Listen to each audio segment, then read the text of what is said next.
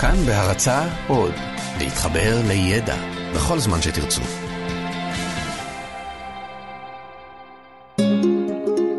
היסטוריה לילדים עם יובל מלכי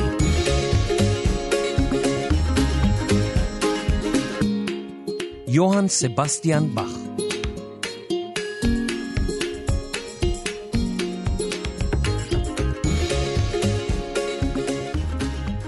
מוזיקה היא אומנות מיוחדת.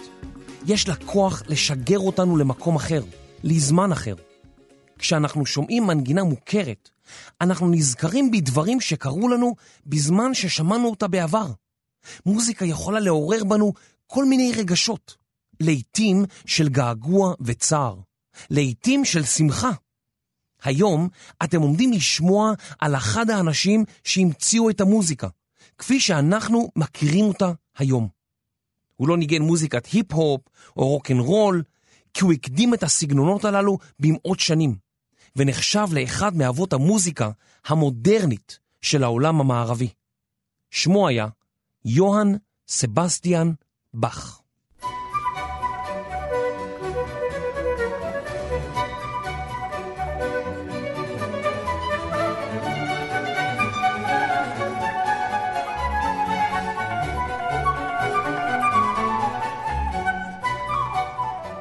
לפני כ-300 שנה, במרכז אירופה, בעיירה הקטנה אייזנאך, נולד יוהאן סבסטיאן באך.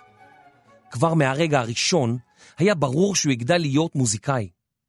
אביו, יוהאן אמברוסיוס באך, היה המנהל של כל המוזיקאים בעיירה, של החצוצרנים, הכנרים, המתופפים ונגנים אחרים. דודו, יוהאן כריסטוף באך, היה מלחין מפורסם. למעשה משפחת באך כבר הייתה ידועה כמשפחה של מוזיקאים מפורסמים, נגנים ומלחינים מדורי דורות. שלושה מאחיו של באך הוכשרו גם הם להיות מוזיקאים. האם אתם יכולים לחשוב על משפחה כזאת בישראל של היום? משפחה שרבים מבניה גדלו להיות מוזיקאים ואנשי בידור? עיר הולדתו של באך נמצאת במרכז גרמניה של ימינו. אולם באותה תקופה גרמניה לא הייתה מדינה, אלא אוסף של ממלכות ונסיכויות שכל אחת מהן פעלה באופן עצמאי. לכל מלך, לכל נסיך, לכל רוזן ולכל דוכס היו נגני חצר, מנהלי תזמורות ומלחינים. בעולם של אז, מוזיקה הייתה עניין מורכב. לא היה אפשר פשוט ללחוץ על נגן, ושהמוזיקה תתחיל להתנגן. לשמוע מוזיקה היה נחשב למותרות, ולא כל אחד יכול היה לשמוע מוזיקה מתי שרק התחשק לו. אביו של באך לימד אותו כבר בצעירותו לנגן בכינור, והרחיב את השכלתו המוזיקלית. במקביל, בהיותו בן למשפחה נוצרית אדוקה, הוא נשלח לבית ספר דתי. הנצרות הייתה הדבר הכי חשוב בעיני תושבי אירופה באותה תקופה. הרבה אנשים יותר משחשבו על עצמם כגרמנים או ספרדים או איטלקים או צרפתים, חשבו על עצמם כמאמינים בדת הנוצרית. כך גם באך הבין שהמוזיקה והדת חייבות להיות קשורות זו בזו. תכף תבינו איך זה בכלל קשור לסיפורנו.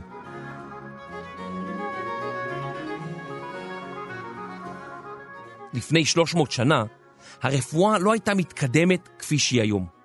הוריו של באך חלו כשהוא היה ילד. אמו נפטרה כשהיה בן תשע, ואביו נפטר כשהיה בן עשר. בגיל צעיר מאוד, התייתם באך מהוריו ועבר להתגורר בבית אחיו הבכור, שהיה נגן עוגב בכנסייה, ולימד אותו לנגן בכלי. באך חי עם אחיו ומשפחתו במשך חמש שנים. בזכות קולו הערב, הוא התקבל למקהלת שירה בבית הספר, וגם העניקו לו מלגה. לבאך היה קול סופרן, קול נשי גבוה, שיש לבנים לפני גיל ההתבגרות. באך היה מאושר מפני שניתנה לו הזדמנות שקיווה לה יותר מכל, להמשיך ליצור מוזיקה. כשבאך התבגר קולו השתנה, והוא הפך לנגן צ'מבלו וכינור. משסיים את לימודיו, החל לחפש פרנסה כנגן. בן 17, הוא כבר היה מומחה לנגינה בכינור, בעוגב ובצ'מבלו. אתם בטח שואלים את עצמכם, מה זה עוגב? מה זה צ'מבלו? אז הנה, אני אסביר. גם עוגב וגם צ'מבלו הם כלי נגינה מהסוג הקרוי כלי מקלדת. בדומה לפסנתר, גם לעוגב וגם לצ'מבלו יש קלידים שעליהם מקישים. עוגב הוא כלי הנגינה הגדול בעולם, והוא יכול להתנסה לגובה של קיר שלם, עד התקרה.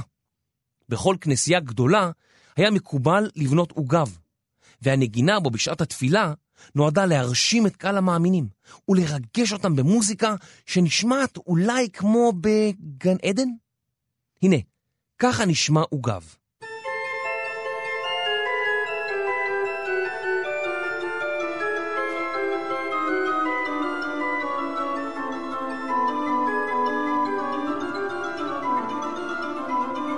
צ'מבלו, לעומת זאת, דומה יותר לפסנתר, אבל הצלילים שהוא מפיק גבוהים יותר. הנה, ככה נשמע צ'מבלו.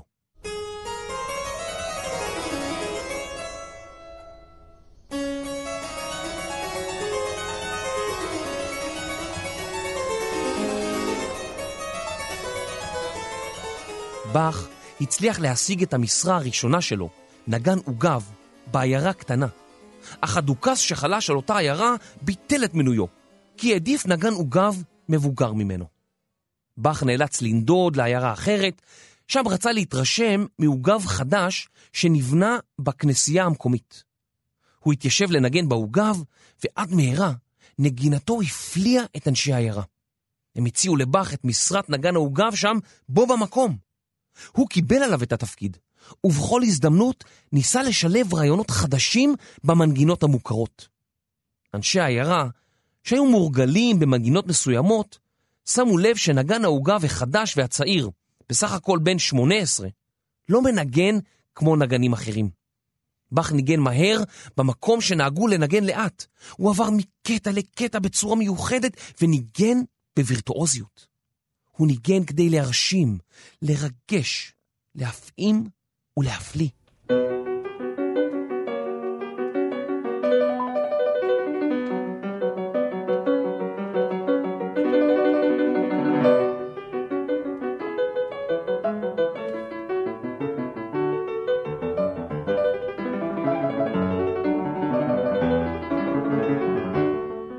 אבל הכנסייה לא הייתה מקום לחדש דברים. אנשים אהבו את המוכר, ובעיקר אהב זאת הכומר של הכנסייה. באך לא השתלב בזה, והחליט לצאת לחופשה קצרה. הוא הודיע שיחזור לתפקידו בתוך ארבע שבועות, אך הוא נעדר במשך ארבעה חודשים. באך צעד 450 קילומטרים לעיירה אחרת, כדי לשמוע את נגינת העוגב של מלחין שהעריץ, דיטריך בוקסטהודה. 450 קילומטרים הם בערך כל אורכה של מדינת ישראל, ממטולה בצפון עד אילת בדרום. כמה רחוק אתם הייתם מוכנים ללכת כדי לשמוע מוזיקאי שאתם אוהבים? המפגש עם בוקסטהודה השפיע מאוד על המוזיקה של באך, אז כנראה המסע הרגלי הארוך היה שווה את זה. באך היה מוזיקאי בנפשו ובכל רמ"ח איבריו. במשך שנים הוא נדד מעיירה לעיירה כדי למצוא מקום שיוכל להביא בו את עצמו לידי ביטוי, ולנגן את כל המנגינות שהתרוצצו בראשו. בן 22 הוא נסע לאישה את מריה ברברה, והשניים נדדו יחדיו, בחיפוש אחר תעסוקה. באותם ימים, באך כתב את הקנטטות הראשונות שלו. הרבה מהמילים הקשורות למוזיקה מקורן בשפה האיטלקית, וקנטטה היא אחת מהן. קנטטה היא למעשה יצירה קולית בליווי כלי נגינה. כלומר, יצירה ששרים אותה באמצעות הקול, והיא מלווה בנגינה.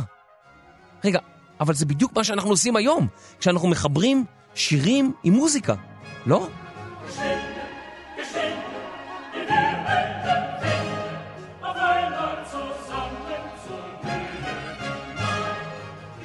נכון מאוד, אבל בתקופתו של באך, הקנטטה הייתה חידוש, ואף שהוא התלהב מהרעיון, היה לו קשה לשכנע את הכומר המקומי לאפשר מוזיקה כזאת. מה? גם מישהו מנקן מוזיקה וגם מישהו שר באותו זמן? זה מוסר מדי. לא יעלה על הדעת.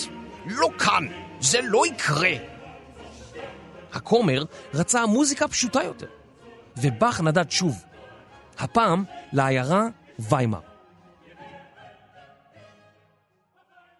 הדוכס ויליאם ארנסט מוויימר התרשם מנגינתו של באך הצעיר, והציע לו מיד משרה כנגן עוגב וצ'מבלו, ואף הסכים לתמוך בו כלכלית. באך הבין שמצא אוזן קשבת, וחש שהוא יכול להפסיק לנדוד סוף סוף. באך רצה להוכיח לדוכס שהוא לא טעה, ולכן פיתח ושכלל את יכולותיו כמלחין. למשל, הוא לקח יצירות של המלחין האיטלקי המפורסם אנטוניו ויוולדי, ואיבד אותן למנגינת עוגב. המוזיקה של ויוולדי השפיעה מאוד על באך. ממנה הוא למד כיצד לפתוח יצירה באופן דרמטי. מעניין אם אפשר לפתוח שיחה בצורה דרמטית. כאילו, במקום להגיד למישהו, אתה יודע, אתמול הלכתי. אתה יודע! אתמול הלכתי ו... אולי לא. במשך שנים באך ניגן והלחין, וציפה להתקדם בתזמורת של העיר ויימר, לדרגת מנהל מוזיקלי. אבל אז נפוצו שמועות שהדוכס מעדיף לקבל לתפקיד מישהו אחר. באך החליט לעבור לעיר הקטנה, קוטן. שם הוצעה לו משרת מנהל מוזיקלי. בתגובה לכך, הדוכס כעס והורה לאסור את באך. אחרי כל ההשקעה, כל המימון שהורעף עליו בוויימר, הדוכס רתח מזעם. איך הוא מעז לעבור לעיר אחרת? באך הושלך לבית הכלא. אבל הוא לא ויתר. הוא סירב להיכנע לדרישותיו של הדוכס, ורק כעבור כמה שבועות שוחרר מהכלא. לאחר שחרורו עזב באך את ויימר, כנראה במהירות, עם אשתו וילדיו, ועשה דרכו לקוטן. חייו הסוערים של באך באים לידי ביטוי סמלי בשיטת ההלחנה שאימץ. קונטרפונקט. בשיטה זו יש שני קווים מוזיקליים המתחרים ביניהם ומשתלבים זה בזה ביצירה. כך גם חייו של באך. לעתים היה חי בהרמוניה עם האנשים ששכרו אותו כמוזיקאי, ולעתים היה מתאכזב מהם ומתנגח בהם. הנסיך לאופולד מקוטן פרס עתה את חסותו על באך. בקוטן הוא כתב שישה קונצ'רטי, בעברית קונצ'רטואים, וביחיד קונצ'רטו. המילה האיטלקית קונצ'רטו פירושה פעולה משותפת, ובשפה המוזיקלית היא באה לתאר יצירה שבה כלי נגינה אחד או כמה כלי נגינה מקבלים את מרכז הבמה, את תפקיד הסולו. הכלים בתפקיד הסולו מקיימים שיתוף פעולה ומנהלים דו-שיח עם תזמורת כלים. בניגוד לקונצ'רטי שכתבו מלחינים לפניו, באך יצר הרכבים מיוחדים של כלים. למשל, בקונצ'רטו החמישי מהשישה שכתב, הוא צירף בקבוצת הסולנים חליל, כינור וצ'מבלו. רגע, אבל הכלים האלה אינם מאותה משפחה. זה בטח נשמע נורא.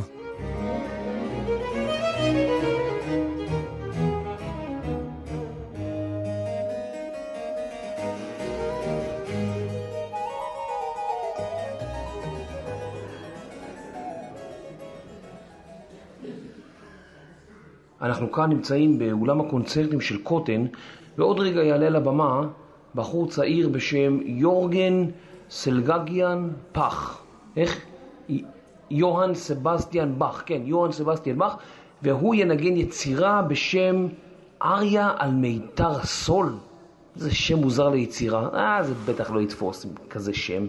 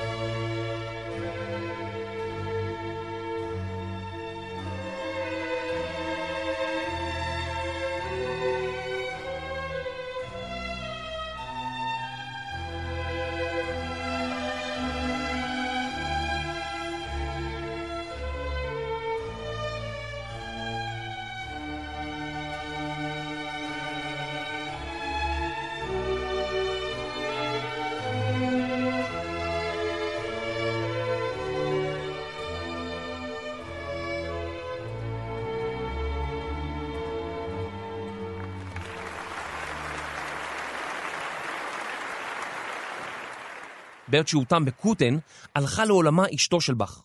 וזמן קצר לאחר מכן, הוא נשא לאישה שנייה את אנה מגדלנה וילקה. בינתיים, גם הנסיך לאופולד התחתן, ואשתו הטריה לא אהבה מוסיקה. באך שוב נאלץ לצאת ולנדוד, אך לא לפני שהשלים את ספרו הראשון, ספר בשני כרכים, הפסנתר המושווה. בספר 24 יצירות, והוא נועד בעיקר לתלמידיו של באך, שרצו ללמוד לנגן כמותו. בן 38 יצא באך שוב לנדודים, אבל בפעם האחרונה בחייו. הוא עבר לעיירה ליפציג, שם הוא נשאר עד סוף ימיו. הוא קיבל משרה חדשה בבית ספר למוזיקה, שיהיו בו תלמידים רבים. הוא נעזר בהם כדי לבצע יצירות גדולות. אחת מהן היא היצירה הפסיון של מתי.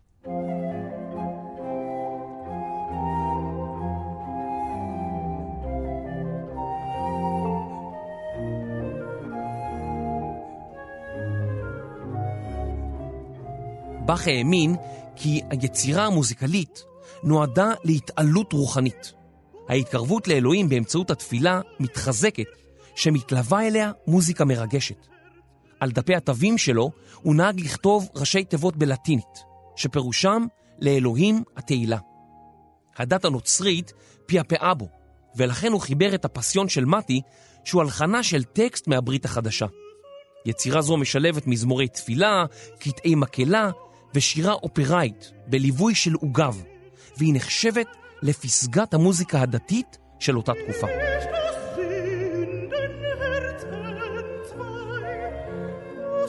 בערוב ימיו סבל באך מבעיות ראייה שהקשו עליו להמשיך לעבוד. הוא המשיך לעבוד בכל זאת, ואפילו נסע להופיע לפני פרידריך השני, מלך פרוסיה. בהופעתו הוא רצה להרשים את המלך, ואילתר מנגינה שלמה. באך חשש מאוד לאבד את ראייתו לגמרי. הוא שילם לרופא העיניים האנגלי ג'ון טיילור שינתח אותו. אך התברר שאותו טיילור היה שרלטן, רמאי. בעקבות טיפולו, באך התעוור לחלוטין. כמה חודשים לאחר מכן, ביולי 1750, הלך באך לעולמו, בן 65.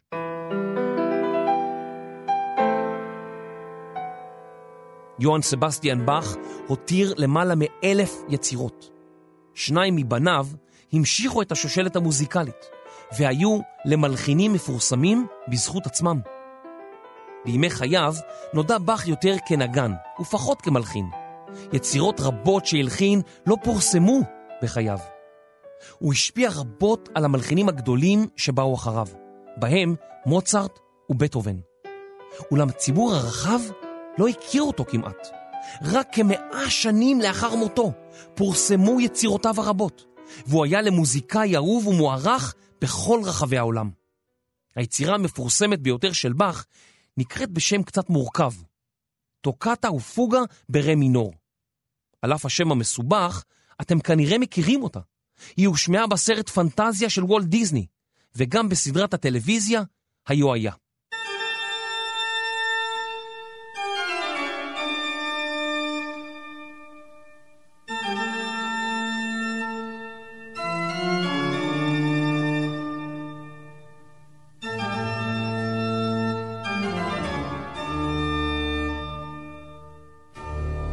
ועכשיו, הקשיבו לאחת היצירות של באך, ונסו לספר סיפור על גבי היצירה. הצלחתם?